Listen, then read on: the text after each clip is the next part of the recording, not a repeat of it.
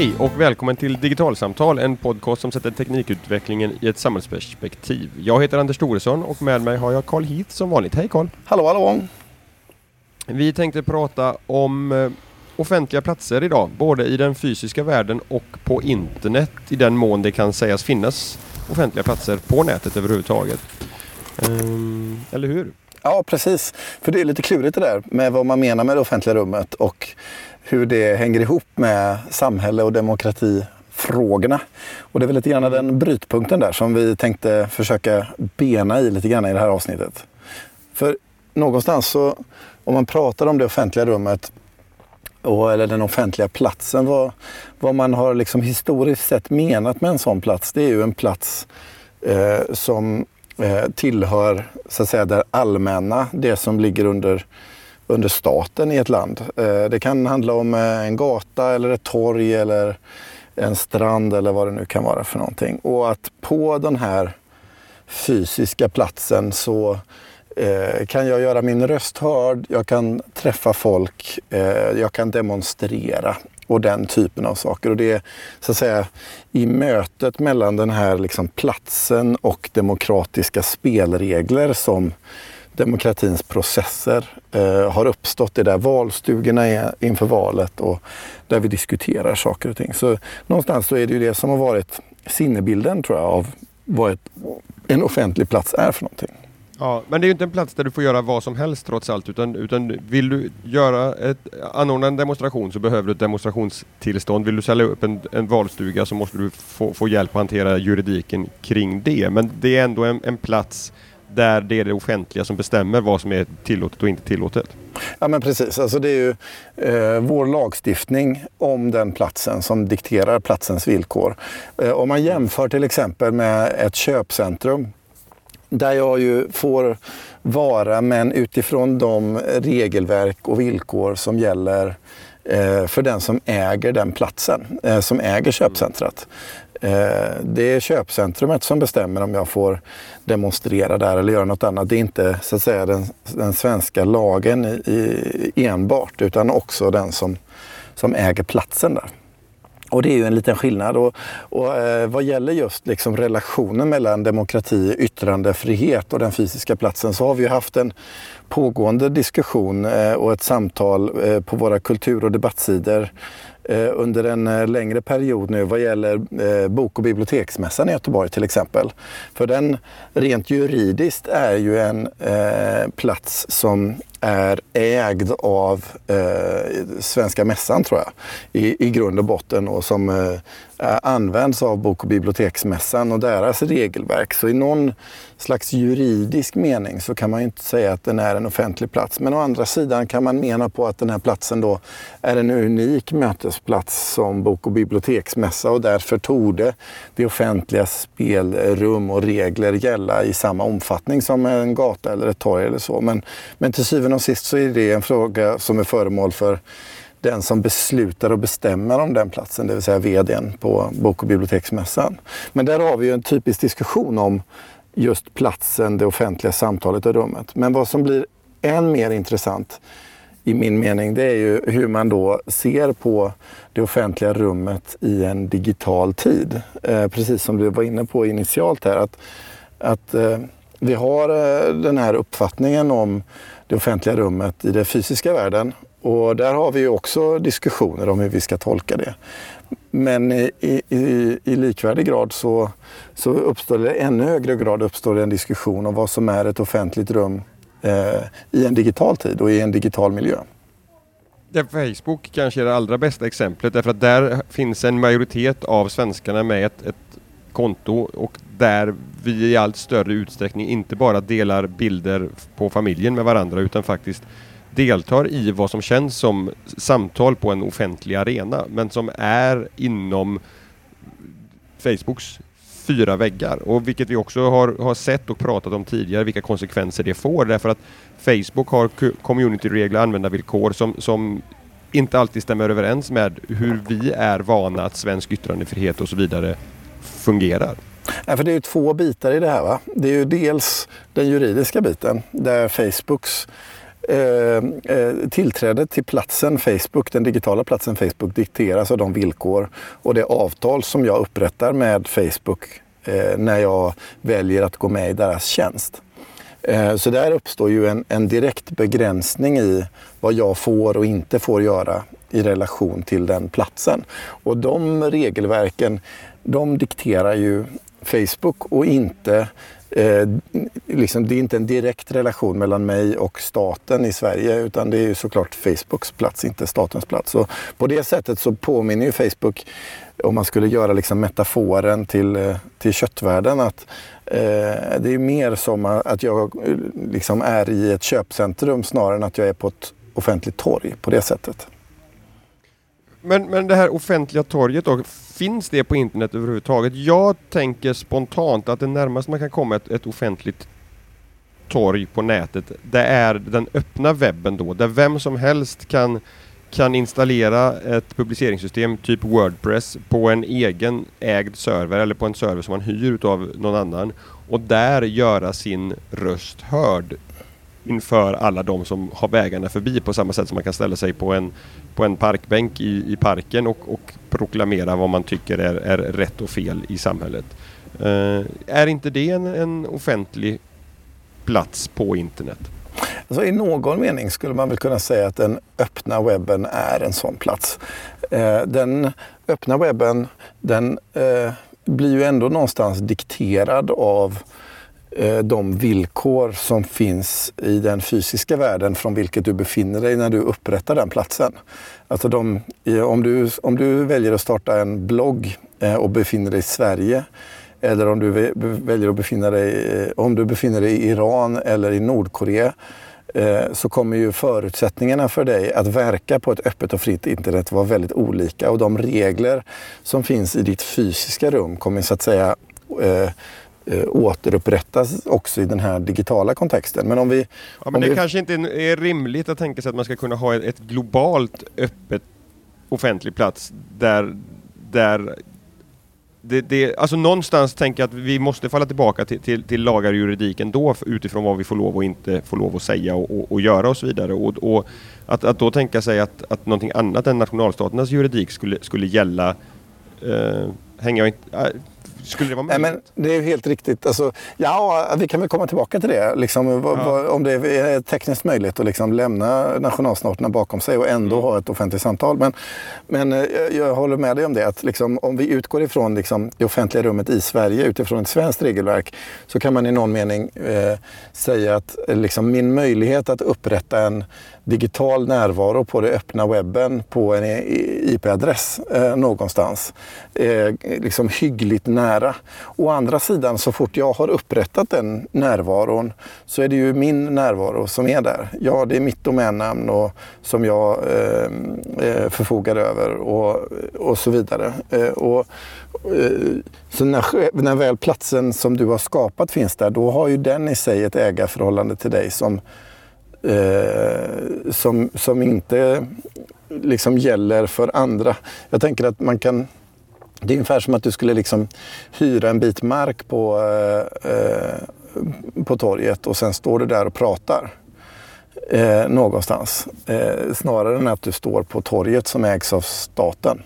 Det är ju liksom någonstans en, en liten skillnad där i, i relationen. För om du, om du eh, startar en blogg och så har du en kommentarsfunktion igång för andra att liksom prata med dig där eh, så kommer ju du kunna kontrollera den interaktion som sker i relation till dig eh, mm. på den platsen om jag skulle liksom tala... Men den personen kan, kan ändå sätta upp en egen blogg och länka till mig eh, och, och där visa upp att kolla här vad Anders är, är, dum i huvudet som hävdar så här. Alla förstår ju att det är så här det ligger till egentligen. Ja men precis, alltså hypertext och, och liksom hyperlänkar eh, gör ju det möjligt att kunna liksom, eh, titta på, på varandras eh, eh miljö och eh, ha en relation. Så nej men visst, i någon mening så, så skulle man väl kunna säga att det är så nära det offentliga rummet eh, man kommer i en digital kontext. Å andra sidan blir det ju en utmaning för eh, vi vet ju idag, om vi jämför bara tio år tillbaka, då det liksom var en stor diskussion om det här med bloggar och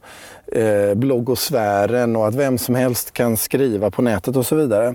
Så har de stora plattformarna kommit att ta över det utrymmet och det sammanhanget i väldigt hög utsträckning. Eh, där vi lever en väldigt stor del av våra internettid, eh, eh, de allra flesta av oss i varje fall, inom väggarna av Facebook och Google och Twitter och Microsoft och Amazon och så vidare. Och att det är ett antal av de här stora företagens spelregler som ändå kommer att eh, sätta ramverket för väldigt mycket av vad den offentliga diskussionen kommer att liksom se ut som i ett land. Ja, men, men, så är det absolut. Frågan är, eh, finns det tillräckligt många... Om vi nu är överens om att det kanske är svårt att, att återskapa den offentliga platsen i den digitala sfären som den ser ut i den, i den fysiska. Vi kanske kan återkomma till det lite senare om vi hinner, att, att fundera på hur skulle ett, ett offentligt rum kunna se ut på nätet som verkligen efterapar det som är i den fysiska världen.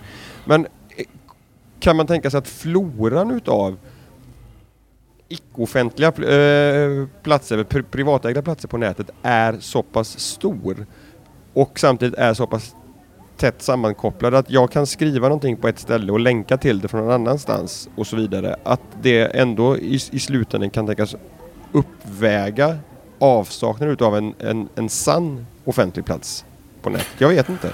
Alltså någonstans om man tänker på liksom, vad är den fysiska plattens eh, det fysiska offentliga rummets liksom, eh, unika egenskaper så är ju en unik egenskap det är att den för de som lever och verkar i närheten av den platsen är en känd plats. Eh, att jag, om jag bor i Göteborg, vet att demonstrationer normalt sett sker på Gustav Adolfs torg eller på Götaplatsen.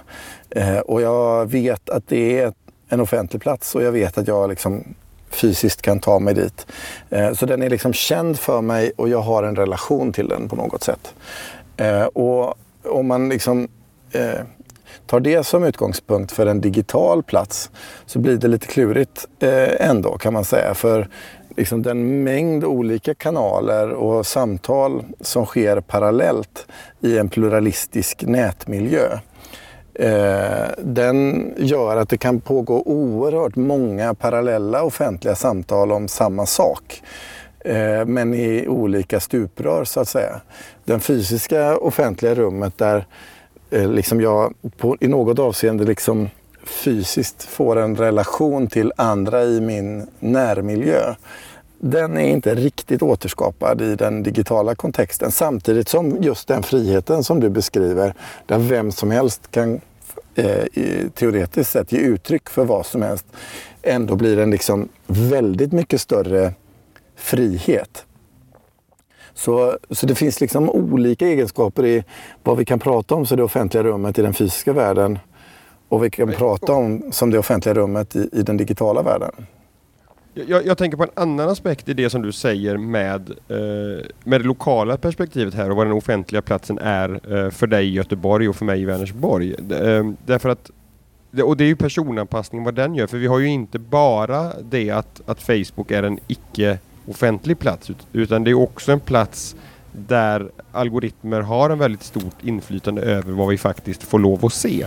Medan när, när jag på min pendling till eller från jobbet passerar de här centrala knutpunkterna i, i mitt lokalsamhälle så kommer jag ta del av den demonstrationen som just den dagen har fått ett demonstrationstillstånd för att göra sin ståndpunkt hörd. Och det är väl här någonstans som jag kan känna att att den offentliga platsen ändå har kanske en, en, en allt viktigare roll att fylla eh, framöver. Därför att det, det, blir kanske den här lokala fysiska platsen som blir där, där olika åsikter och tankar faktiskt kommer exponeras för varandra. Jag vet inte, det här är liksom inte färdigtänkt på något sätt. Men, men det, Nej, men det är klurigt. För det, menar, det är ju också så att eh, om vi tittar på liksom vad vi väljer att göra och om man tittar på liksom Eh, om man, eh, eh follow the money heter det väl. Att man liksom tittar på liksom hur, hur ser det ut. Så är det ju liksom eh, nätannonseringen eh, ökar ju i hög omfattning och, och Facebooks och Googles del av den globala annonseringskartan. kakan vittnar ju någonstans om också var människor väljer att vara och komma till uttryck för eh, vad det är de vill.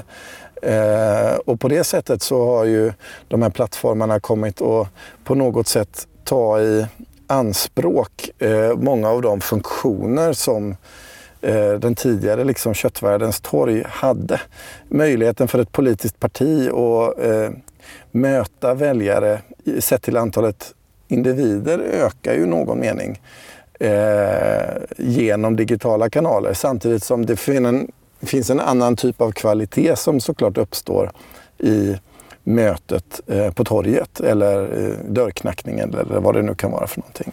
Eh, vilken metod man använder. Men, men, eh, så de liksom har ju liksom ganska olika egenskaper. Men det jag tänker som blir en utmaning om vi pratar om, eh, ta Facebook som ett exempel, det är ju att Facebook i grund och botten har ju ett regelverk att förhålla sig till. Men sen är det ju också var jag väljer att göra min röst hörd på Facebook.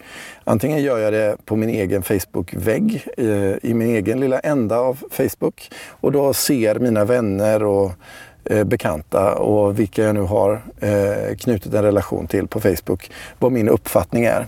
Och om jag då skulle vilja liksom inom citationstecken gå till torget på Facebook, ja, då skulle jag väl rimligen behöva göra det genom att gå till någon form av samtals grupp, eh, diskussionsgrupp som finns på Facebook och som hanterar det samtalet som jag är intresserad av att föra. Om jag är intresserad av att föra samtalet som finns på torget i Vänersborg så kanske jag hittar en grupp som diskuterar just frågor som har med Vänersborg eh, att göra. Men om jag är intresserad av något annat så väljer jag en annan grupp. Och här uppstår ju på en gång en, en skillnad i hur liksom det offentliga samtalet kommer att gå till och hur liksom ett demokratiskt samtal formas i det att eh, platserna utgår först ifrån Facebooks algoritmer och sen utifrån en selektion utifrån mina egna preferenser, vad jag själv är intresserad av att föra och där jag då möter en, en selektion som jag själv väljer. Eh, och det har vi pratat om innan när man kommer in på det här med liksom begrepp som filterbubblor och så vidare. Men där jag själv väljer för att jag har intressen och preferenser som jag intresserar mig för.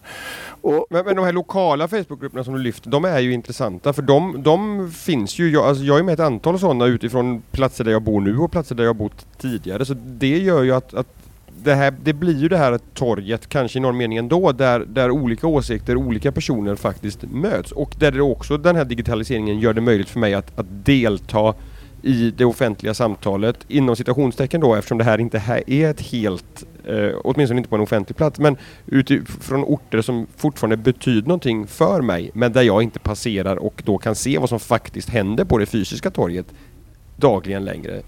Nej men visst, absolut. Och det här finns det ju, alltså just det fenomenet som du beskriver nu, eh, det finns det bolag som har eh, sett att det finns liksom utrymmen att agera på. Det finns ett amerikanskt företag till exempel som heter Nextdoor som är som Facebook fast när du registrerar dig på Nextdoor så måste du verifiera var du bor och att du bor på en viss adress.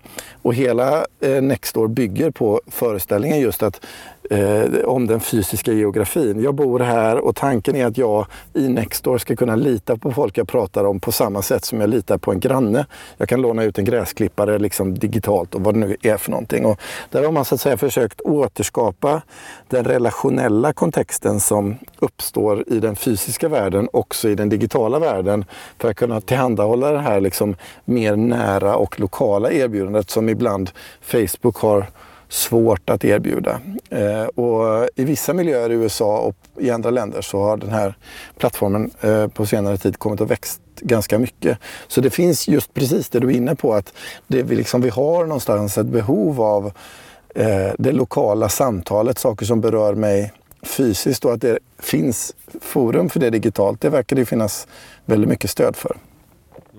Jag tycker att, på att det finns en annan aspekt här som, som är en viktig skillnad på de offentliga rummen som vi har i den fysiska världen och de här upplevda offentliga rummen som vi har i den digitala världen. Och, och det är ju till exempel den här ständiga pågående diskussionen som finns nu om i vilken utsträckning vi ska tillåta kameraövervakning i, i den offentliga miljön.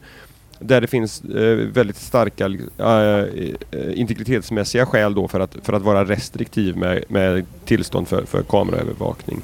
Medan de diskussionerna som vi då väljer att föra i de privata sammanhangen privatägda sammanhangen på nätet, där samlas det in kopiösa mängder metadata om oss hela tiden utan att vi reflekterar över det. Information, material som blir blir underlag till personanpassningen som är, är till godo i, i, vissa sammanhang och kan vara problematisk i andra för annonsering och så vidare. Så det finns också eh, en, en...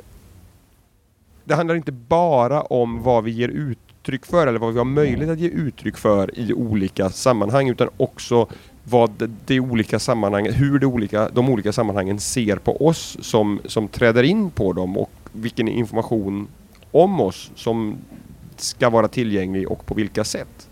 Samtidigt om man ska problematisera det så har ju de digitala plattformarna kommit att ta mer och mer yta också i de offentliga rummen i den fysiska världen eftersom eh, till exempel har jag lämnat ifrån mig Eh, har jag låtit eh, Facebook eller någon annan ha tillgång till min platsinformation så samlar ju de information om mig i, baserat på min fysiska plats också.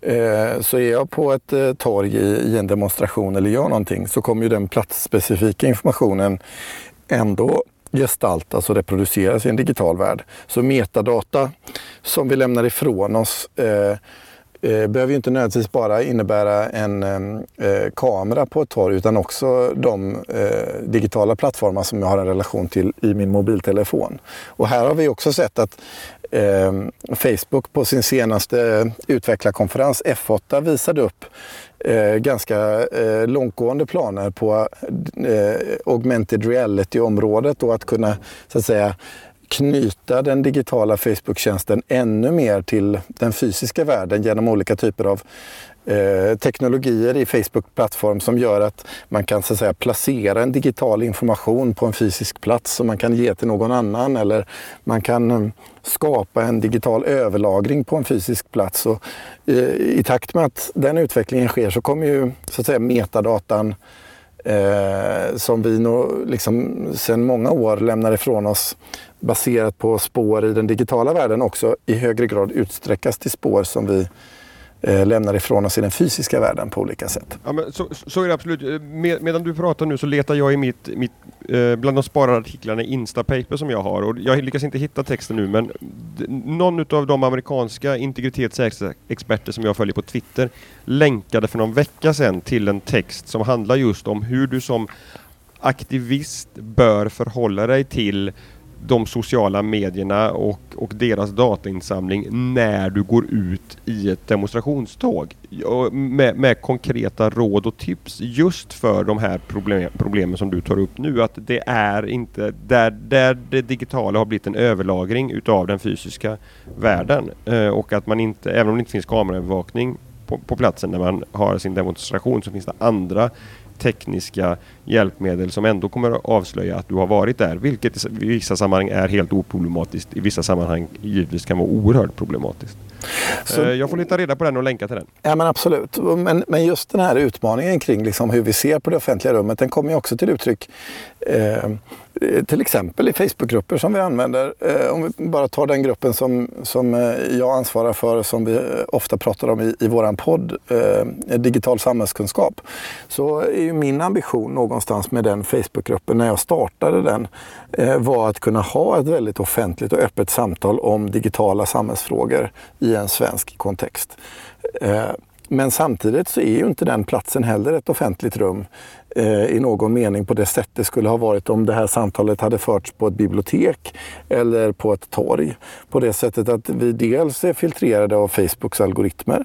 Eh, dels är, det är ju jag ett filter för jag eh, blockar ju till exempel spamkonton eller kan gå, ibland gå in och ehm, eh, som eh, moderator i en debatt ha eh, sätta begränsningar i den om det är så att någon har eh, liksom uppfört sig på ett sätt som eh, inte liksom är i linje med gruppens, eh, eh, det jag uppfattar som vara grupp, viktigt för gruppen. Men det är till syvende och sist min värdering som moderator som knyter an till, eh, till det.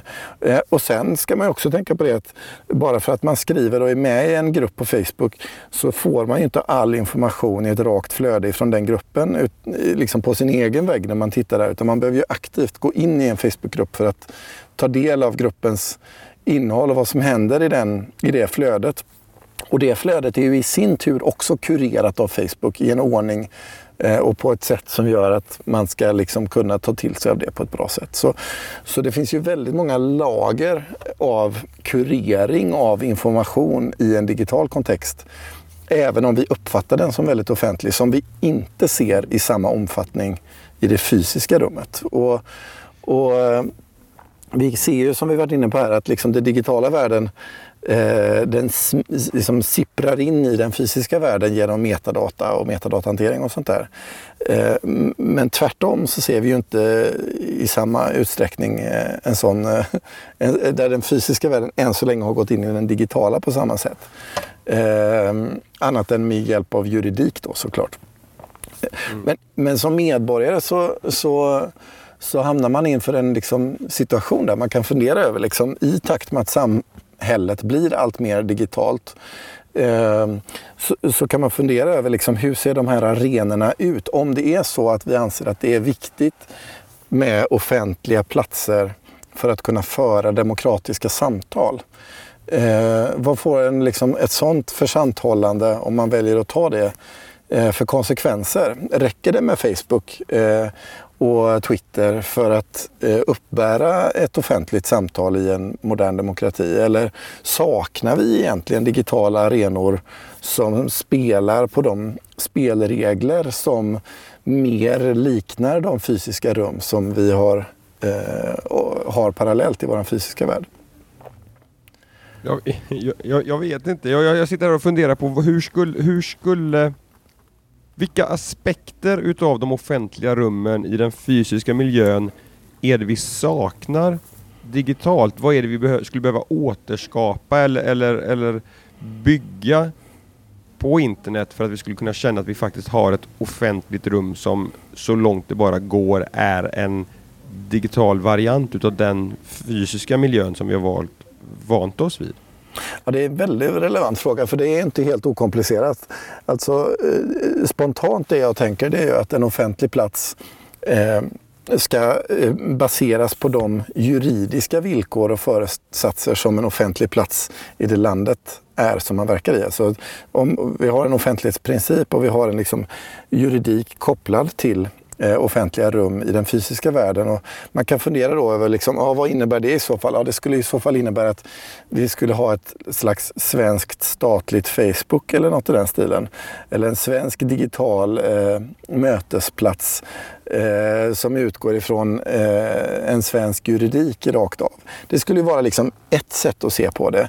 Sannolikheten att eh, en sån plats skulle lyckas vara framgångsrik i liksom en global värld Eh, kan man ju verkligen fundera över och om liksom staten verkligen är, är lämpad till att upprätthålla sådana platser. Det finns ju kanske en anledning för att vi liksom inte normalt sett hänger på torget eh, på stan utan väljer att gå för nöje, underhållning, kultur och så till många andra platser också. Eh, så den här liksom pluralismen eh, behöver vi ju på en gång. Men sen pågår det ju andra projekt. Jag tänker på de här liksom blockchain-baserade plattformsprojekten där man tänker sig att men går det att återskapa den juridik som en nationalstat innehar och äger fast göra det i programkod. Eh, Lawrence Lessig myntade ju för länge sedan Law is code eller Code is law. Eh, med idén att liksom, eh, så som världen är programmerad är också ett slags eh, juridiskt, om man så vill, ramverk för hur vi tänker och agerar och interagerar. Och, och man skulle kunna föreställa sig en, eh, till exempel en blockkedjebaserad plattform där man så att säga bygger in eh, spelreglerna för det så kallade offentliga rummet i koden av plattformen och låter människor verka och finnas i den arenan eh, utifrån de reglerna. Och det börjar ju växa upp embryon till sådana koncept. Jag tänker på eh, det stora projektet Ethereum som bygger på blockkedjeteknologi och, och det finns eh, flera andra sådana där. Men, men eh, vad som skulle krävas för att sådana skulle slå rot i en värld där Eh, Facebook idag har eh, 1,92 miljarder unika användare varje månad. Eh, det, eh, det, har jag svårt att se. Eh, för vi har kommit att hamna i en värld där de här plattformarna idag har så oerhört stort inflytande och utrymme över eh, vår vardag. Eh, jag, jag, tänker en annan tanke här också som vi kommer få avrunda med utan att, att eh, dra i mål för att vi närmar oss vår halvtimme. Men, men det, det, finns också, inser jag här, tydliga kopplingar till nätneutralitetsfrågan. Att, att internet som det har vuxit fram har inte krävt någonting annat än en internetkabel för att kunna få tillgång till, till vad som helst på nätet. Och där det nu finns starka krafter som vill, som vill förändra det här. Och det här är ju också någonting som potentiellt sett då skulle kunna driva internetanvändarna i ännu större utsträckning till de mer stängda platserna. Och om man funderar i de banorna så kanske det är internet som infrastruktur egentligen som är den offentliga platsen och sen finns det ett antal olika byggnader kring den här eller på den här som, som i mer eller mindre utsträckning fortsätter att, att leva upp till, till det här att vara en offentlig plats. Men där jag kanske ändå då någonstans landar i att, att den öppna webben just nu trots allt är det närmaste vi har en offentlig plats och att den kanske faktiskt ändå räcker ganska långt. Jag vet inte. Ja, och kanske också vikten av att värna den öppna eh, platsen öppna som är. Mm. Eh, och där är ju nätneutralitetsfrågeställningar eh, som du eh, kommer in på här viktiga. De har vi berört i, i andra avsnitt tidigare. Så absolut. Ja, vi kanske får återkomma till dem i det här sammanhanget också. Ja, det är värt att göra inför valet kanske. Ja, men precis. Med detta så tar vi ändå och rundar av dagens podcast, även om vi inte hann prata i mål kändes det som här. Eh, men surfa gärna iväg till Facebook och delta i den fortsatta diskussionen i gruppen Digitalsamtal. Vi finns också Uh, nej, fel utav mig. Vi, gruppen heter Digital samhällskunskap. Podcasten heter ju Digitalsamtal och har en egen Facebook-sida. Så är det ju. Har ni en fråga till oss så tveka inte att höra av er. Vi finns också på Twitter som att digitalsamtal och det går att mejla till oss på uh, kontakt digitalsamtal.se. Och jättegärna en eh, sväng förbi iTunes och ge oss ett betyg, gärna ett högt om ni tycker att vi är värda det för att då kommer fler hitta till oss och det tycker jag och Karl är roligt. Men med det så tackar vi för den här gången och så hörs vi om en vecka igen. Hej så länge! Hej!